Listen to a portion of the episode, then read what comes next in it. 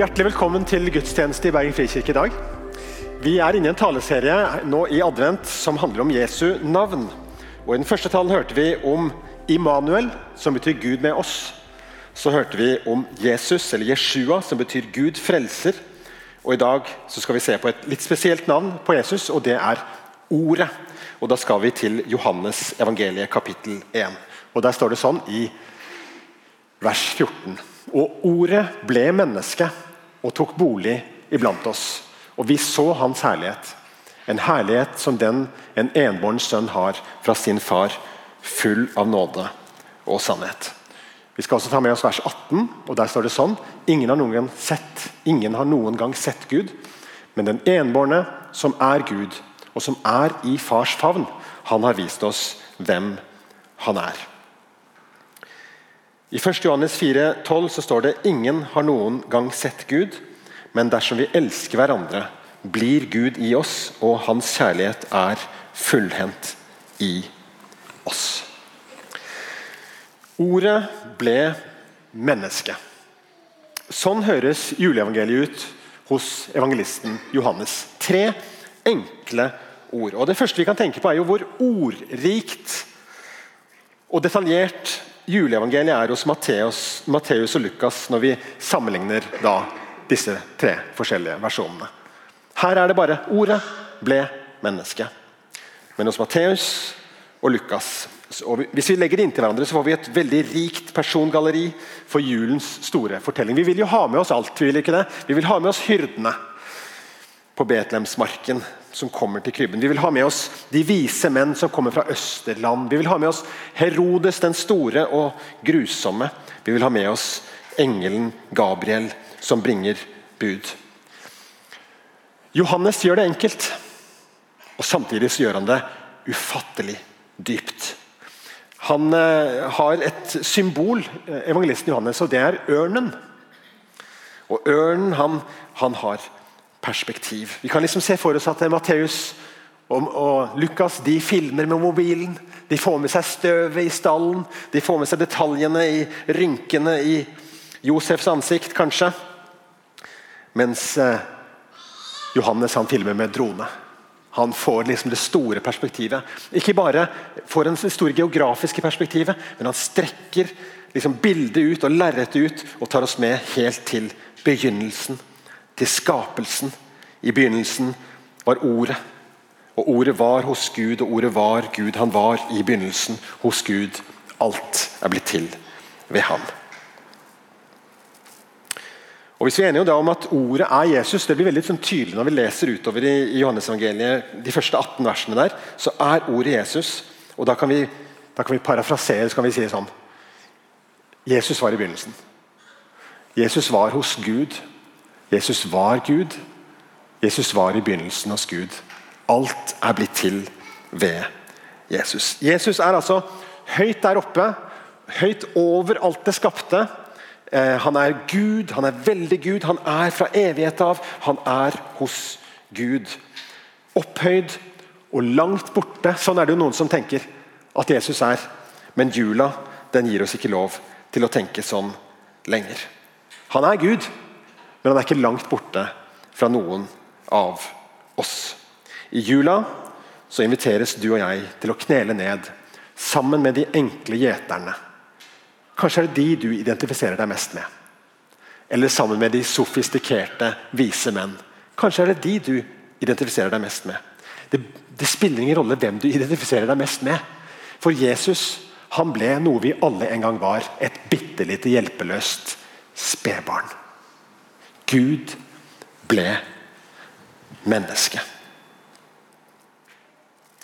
I uh, The Message-oversettelsen så står det The word became flesh and blood and moved in to the neighborhood. Det var skikkelig Jens Stoltenberg-engelsk, men det er ikke så farlig. Poenget er på norsk ordet ble kjøtt og blod og flyttet inn i nabolaget. Og det er julens budskap. Hvorfor måtte han det? Han måtte det hvis han skulle hjelpe oss med våre virkelige problemer. Så måtte han bli en av oss. Så Gud ropte altså ikke fra distanse at han elsker oss. Han skrev det ikke i stjernene. Han laga ikke en målretta kampanje eh, i, i, sosiale medier. Han sa det ikke med, med, ord bare, som ikke kunne backes opp med handling, men han handla på det og ble en av oss. Litt spissformulert så kan vi kanskje si det sånn at Jesus ble, en, sjøl en del av problemet for å kunne løse det. Jesus var uten synd, men han ble gjort til synd. Problemet vårt er synd. Problemet vårt er at eh, det ødelegger i vår relasjon mellom oss og Gud. Det ødelegger i vår relasjon mellom oss mennesker. Eh, og Jesus ble på korset gjort til synd. Han tok en tjenerskikkelse på seg, ble lydig til døden, ja, døden på korset. Han måtte bli en av oss for å kunne virkelig sone for våre synder. Sånn kunne han hjelpe oss. Så står det Utover i, eh, i, disse versene så står det om Jesus at han kom til sitt eget. Jeg ser liksom for meg en sånn eh, enten en fabrikkeier som har bygd opp en fabrikk eller en virksomhet, eller en bonde som har, virkelig har slitt og strevd og bygd denne gården med sine egne hender. og Så har han vært utenlands en stund, og så kommer han tilbake. Og så er det nye folk der. Og de anerkjenner ikke hvem han er. Han kom til, han, til sitt eget, men hans egne tok ikke imot ham. Men alle de som tok imot ham, dem gav han rett til å bli Guds barn. De er født av Gud. Dette er juleevangeliet i sin essens. At han kom og gjør det mulig for deg og meg å, å bli Guds barn. For Johannes, evangelisten, så er det om å gjøre å fortelle om Jesus og så er det om å gjøre å fortelle om dette er å komme til tro. Så Derfor så er det ikke mange versene ut i dette storslåtte bildet som tegnes opp fra begynnelsen og skapelsen og ordet og alt dette her storslåtte. Så snakker han om det å komme til tro. Johannes døperen kommer på banen, også i Johannes evangeliet. Og han sier at han, han kom for å vitne, så alle skulle komme til tro. Helt til slutten av Johannes evangeliet så skriver han disse ordene er skrevet for at dere skal tro, og for at dere ved troen skal ha liv i hans navn. Så det blir altså på en måte et stort bilde, på en måte veldig sånn åndelige ord, på en måte veldig sånn stort perspektiv, og samtidig så blir det veldig nært. For det blir veldig personlig. For det handler om deg og meg sin stillingstagen til det vi har hørt. Det blir ikke bare et objektivt budskap som liksom kan henges der oppe, men det blir et budskap som skal flettes inn i din personlige historie. Hvor står du? Han skulle vitne, så alle skulle komme til tro. Og Johannes har skrevet hele sitt evangelium for at dere skal tro at Jesus er Messias. For da skjer det noe. Da får dere ved troen liv i hans navn.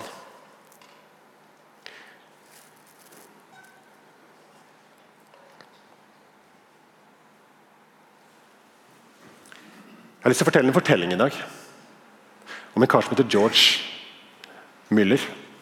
Han ligner litt på nissen i grunnen.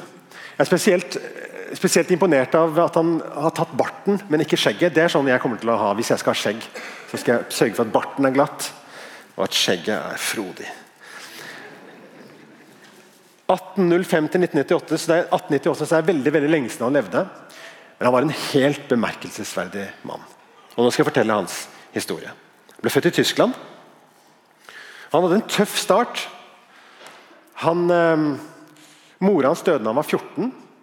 Når han var 16 ble han kasta i fengsel. Og På rullebladet sitt så hadde han at han drev med gambling, han hadde spillegjeld. Faren hans var skatteoppkrever, så han stjal penger fra myndighetene hos, i, i sin fars skuff. Eh, og For dette ble han altså kasta i fengsel. Men Faren hadde barmhjertighet med han og hadde egentlig litt sånn håp om at han skulle sjekke seg vel. Så han, han kausjonerer han, han får han ut av fengselet med kausjon. Og så, sier, og så sender han han til Halle i Tyskland for at han skal studere teologi. og Håpet til faren er at han skal bli en god luthersk prest. Få seg et, et ærlig yrke, og få et anstendig liv og få anerkjennelse. Unge George møter Gud i hallet. Han blir frelst. Og det endrer livet hans radikalt. George begynner å lese Bibelen. og han, Det står om George Miller at han leste Bibelen noen år fire ganger i året. Altså Ikke bare at han leste gjennom Bibelen på et år, som noen av oss prøver å ha som mål, men han leste gjennom hele Bibelen fire ganger. Han leste den på kne, og han leste den i bønn. Så han ble et veldig sånn bønnemenneske. Og opplevde det at Gud lytta til ham. Han opplevde at Gud var en levende Gud som lytta til hans bønner. Han gifta seg med ei som het Mary, 20 år gammel. Og På det tidspunktet så ble han og Mary enige om at eh, nei, han skulle ikke bli luthersk prest og få seg en, liksom en, en karriere innenfor det geistlige. Han skulle bli brødremenighetspastor, og han skulle si fra seg lønnen. Så det gjorde han. Så Han og kona ble enige om det, at han skulle ikke ha noe lønn. Han skulle bare tro på Gud, og så skulle han be til Gud. Og så skulle Gud sørge for ham at det han, det han trengte, det skulle han få. Og Siden jeg forteller denne historien i dag, så er jo selvfølgelig historien at det gikk usedvanlig bra. Så kommer vi til 1832. og Dette her er begynnelsen av den industrielle revolusjonen. og Det er ekstrem fattigdom og nød i England. Og Spesielt ille var det et sted som het Bristol. Der var det utallige barn som var foreldreløse og hjemløse.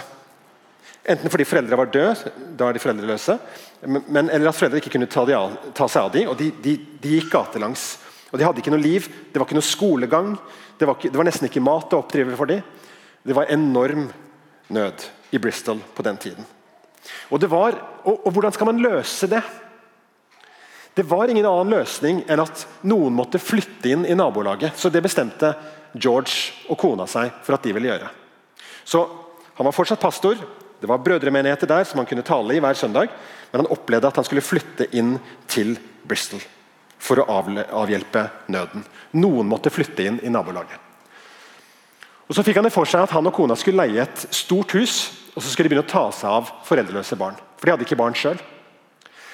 Så de leide et stort hus. De, de, de tenkte vi skal ikke, vi skal ikke be, penger, be folk om penger til dette huset. Vi skal be Gud om at han skal sørge for dette huset. For han har sørga for oss til nå. Så hvorfor skulle ikke han kunne sørge for oss og de foreldreløse barna? Så han bestemte seg og kona for at de skulle be til Gud. De skulle ikke be mennesker om penger, men de skulle be til Gud om nok penger til å kunne leie et stort hus. Og så fikk de nok penger til å leie et stort hus. Og de kunne invitere 30 jenter inn på eh, et, et, hjem. Så de laga et barnehjem. 30 jenter. Og de eh, ga dem mat. Tre måltider for dagen. De ga dem skolegang. De begynte å ansette folk som kunne undervise der. Og de, de, lot de få leke, de lot de få helse. Disse barna de blomstra. Så gikk det litt tid, og så opplevde de at vet du hva, vi skal bygge et hus til. Eller vi skal, vi skal, vi skal leie et hus til. Så Etter en stund så, så, leide han fire sånne hus. Og Da var det plass til 120 gutter og jenter i Bristol som kunne få til livets opphold. Som kunne få leke, som kunne få skole, som kunne få mat, som kunne få klær og som kunne få et liv. 120 stykker. På dette tidspunktet så begynte naboene å klage. Kloakken tetta seg til pga. alle disse barna som gikk på do. Det stinka i Bristol før, men det stinker enda mer nå med dette, disse barnehjemmene. Da opplevde han at Gud sa til han at dere skal kjøpe en tomt litt på utsiden av Bristol. Det hadde han jo selvfølgelig ikke råd til. Men han hadde fortsatt bestemt seg for han skulle ikke spørre folk om penger til dette, her, så han begynte å be til Gud om at han skulle få nok penger til å kunne leie den tomta litt på utsiden. Nei, til å kjøpe den tomta litt på utsiden av Bristol. Guess what? Han fikk nok penger, og han fikk en ekstremt lav pris for den tomta. Så kjøpte han en stor tomt på utsiden av Bristol. Og så bygde han et barnehjem. Et fantastisk barnehjem hvor det var plass til 350 barn. 350 barn som fikk mat, som fikk klær, som fikk opplæring. Han kunne ansette folk, og de kunne også bo i dette huset som han hadde bygd. Så gikk det noen år, så bygde de et hus til hvor det var plass til 400 barn i tillegg. Og Så bygde de et hus til noen år senere hvor det var plass til 450 barn. i tillegg. Og Noen år senere så kom hus nummer fire og hus nummer fem. Alt dette her uten at han, stilte, uten at han drev med fundraising i det hele tatt. Han sa aldri 'jeg trenger penger til', men han ba til Gud om at Gud måtte reise opp de pengene som trengtes til å kunne ansette folk, til å kunne bygge hus. Og Det er mange historier om mirakler som skjedde i uvær og i elendighet. Så, så kom Gud igjennom og så fikk disse barna et anstendig liv. Her er et bilde av eh, jentene. Og her er et bilde av guttene. Så de hjalp til sjøl, og de fikk, eh, de fikk eh, alt de trengte. Til slutt hadde de plass til 2050 foreldreløse barn, pluss ansatte, kokker og bønder og alt de trengte for å få dyrka maten til sitt eget opphold. Alt uten fundraising, alt som en del av en, av en, en Alt som et bønnesvar fra Gud. I løpet av sin levetid så hjalp George Müller og kona over 10 000 foreldreløse barn med livsopphold skolegang uten å noen gang be et eneste menneske om en pengegave. Så Da han var 70 år, så begynte han å reise rundt i verden for å fortelle om miraklet i Bristol. I Bristol så finnes det museum. Du kan gå og besøke disse, noen av disse bygningene i dag. og Det er fortsatt en virksomhet som heter George Muller Foundation, som hjelper nødstilte barn i England. Um, men Han begynte altså i en alder av 70 år og reiste i 17 år rundt omkring i 42 land for å fortelle om mirakelet i Bristol. og Han spurte aldri etter en eh, honorar eller eh, leverte aldri inn en reiseregning for det. En inspirerende historie som bl.a. inspirerte vår egen Marie Monsen, som mange av dere har hørt om her i Bergen. Når hun ble et sånn spesielt bønnemenneske og reiste til Kina og ble misjonær og tusenvis ble frelst, som ble grunnlaget for den vekkelsen vi har sett i Kina senere, så var hun bl.a. inspirert av historien til George Müller. Hvorfor forteller jeg dette på 18.12. når vi begynner å nærme oss jul? Den der ideen om at han måtte flytte inn i nabolaget, den tror jeg han hadde fra Jesus. Det var ingen annen løsning for oss enn at Jesus ble et menneske. Det var ingen annen løsning for Bristol, uten sammenligning for øvrig, enn at han faktisk flytta inn der og blei som en pappa for disse foreldreløse barna. I begynnelsen av talen i dag så leste jeg Ingen har noen, noen gang sett Gud, men den enbårne som er Gud, og som er i fars favn. Han har vist oss hvem han er. Og Så leser jeg fra 1. Johannes brev 14,12, som har akkurat samme innledningen. Ingen har noen gang sett Gud. Men dersom vi elsker hverandre, så blir Gud i oss. Og hans kjærlighet er fullendt i oss. Det er ingen som har sett Gud, men vi er veldig heldige som har fått vite hvem han er gjennom Jesus. Det er ingen som har sett Gud, men dersom vi elsker hverandre, så kan noen få et glimt av hvem han er.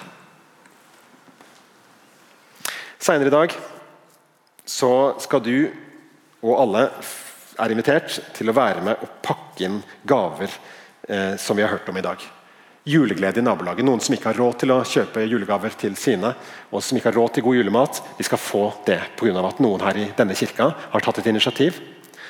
Vi har ikke hatt så stor tro som George Miller at vi bare har sagt vi skal ikke be om penger til det. To ganger har vi hatt kollekt og sagt vi samler inn penger til julegleden i nabolaget. Men jeg har lyst til å si at givergleden har aldri vært så stor dette året som på de to gangene hvor vi sa det er dette vi gir til. Gud kommer til å sørge for at det er nok penger til det prosjektet der. Og det kommer til å bety noe for noen. Det er jeg helt sikker på. Og Så kan vi tenke utover dagen i dag. Vi kan tenke utover det prosjektet som vi har nå, som heter Juleglede i nabolaget. Og så kan vi spørre oss sjøl hva, hva kommer i denne julen? Hva kommer i 2023 for meg og for denne byen? Hvilke behov er det? Og hva skal jeg be til Gud om? Vi, vi lever i en tid hvor det blir mørkere. Det er ikke sånn nød her som det var i før, eller tidlig industrialiserte England. Men det er mer og mer nød rundt oss. Vi skal tro om Herren har en tanke rundt det.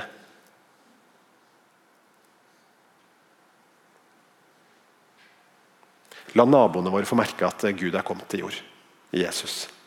La de få muligheten til å bli invitert inn, kanskje på et alfakurs. Vi starter et nytt et 18.1. Eller del troen din med dem, der hvor du er. Og la de få merke hans kjærlighet.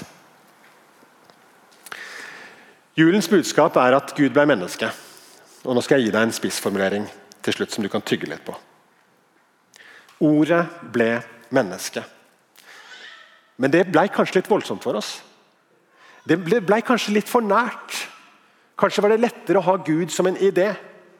Kanskje var det lettere å ha Gud som en filosofi eller en tanke som vi kan tro på hvis vi vil. Men julens budskap er at Gud ble menneske. Mitt spørsmål er har vi gjort Gud til ord igjen. Til et, en teori. Til noe vi kan tro på.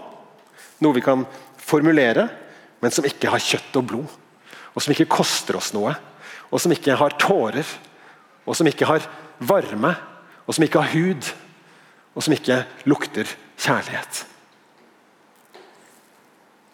Han kom som et lite barn og har vist oss hvem Gud er gjennom sin kjærlighet til oss. Og så inviterer han deg og meg til å gi den kjærligheten videre til andre. I vår by, i vårt nabolag og i vårt hjem. La oss be. Takk, Herre, for at du kom som et lite barn. Takk for at du flytta inn i vårt nabolag. Kjøtt og blod, hud, tårer. Takk for at du gjennom ditt liv Jesus, har vist oss hvem Gud er. Du har vist hans enorme kjærlighet til oss gjennom de gode tingene du gjorde når du gikk her på jorda. Så inviterer du oss til tro på deg, og så inviterer du oss til å bli forvandla av deg. Takk for George Müller sitt liv og det han fikk bety for foreldreløse barn i England på 1800-tallet. Hva har du å si til oss som har møtt deg? Som har hørt budskapet om at du ble menneske? Hjelp oss til ikke gjøre deg til ord igjen. Et konsept, en idé, en filosofi. Men hjelp oss til at troen får bein å gå på. At kjærligheten ikke bare blir en følelse, men blir handling. Takk for at den ble det fra din side. Og hjelp oss til å omsette det i vår hverdag. Amen.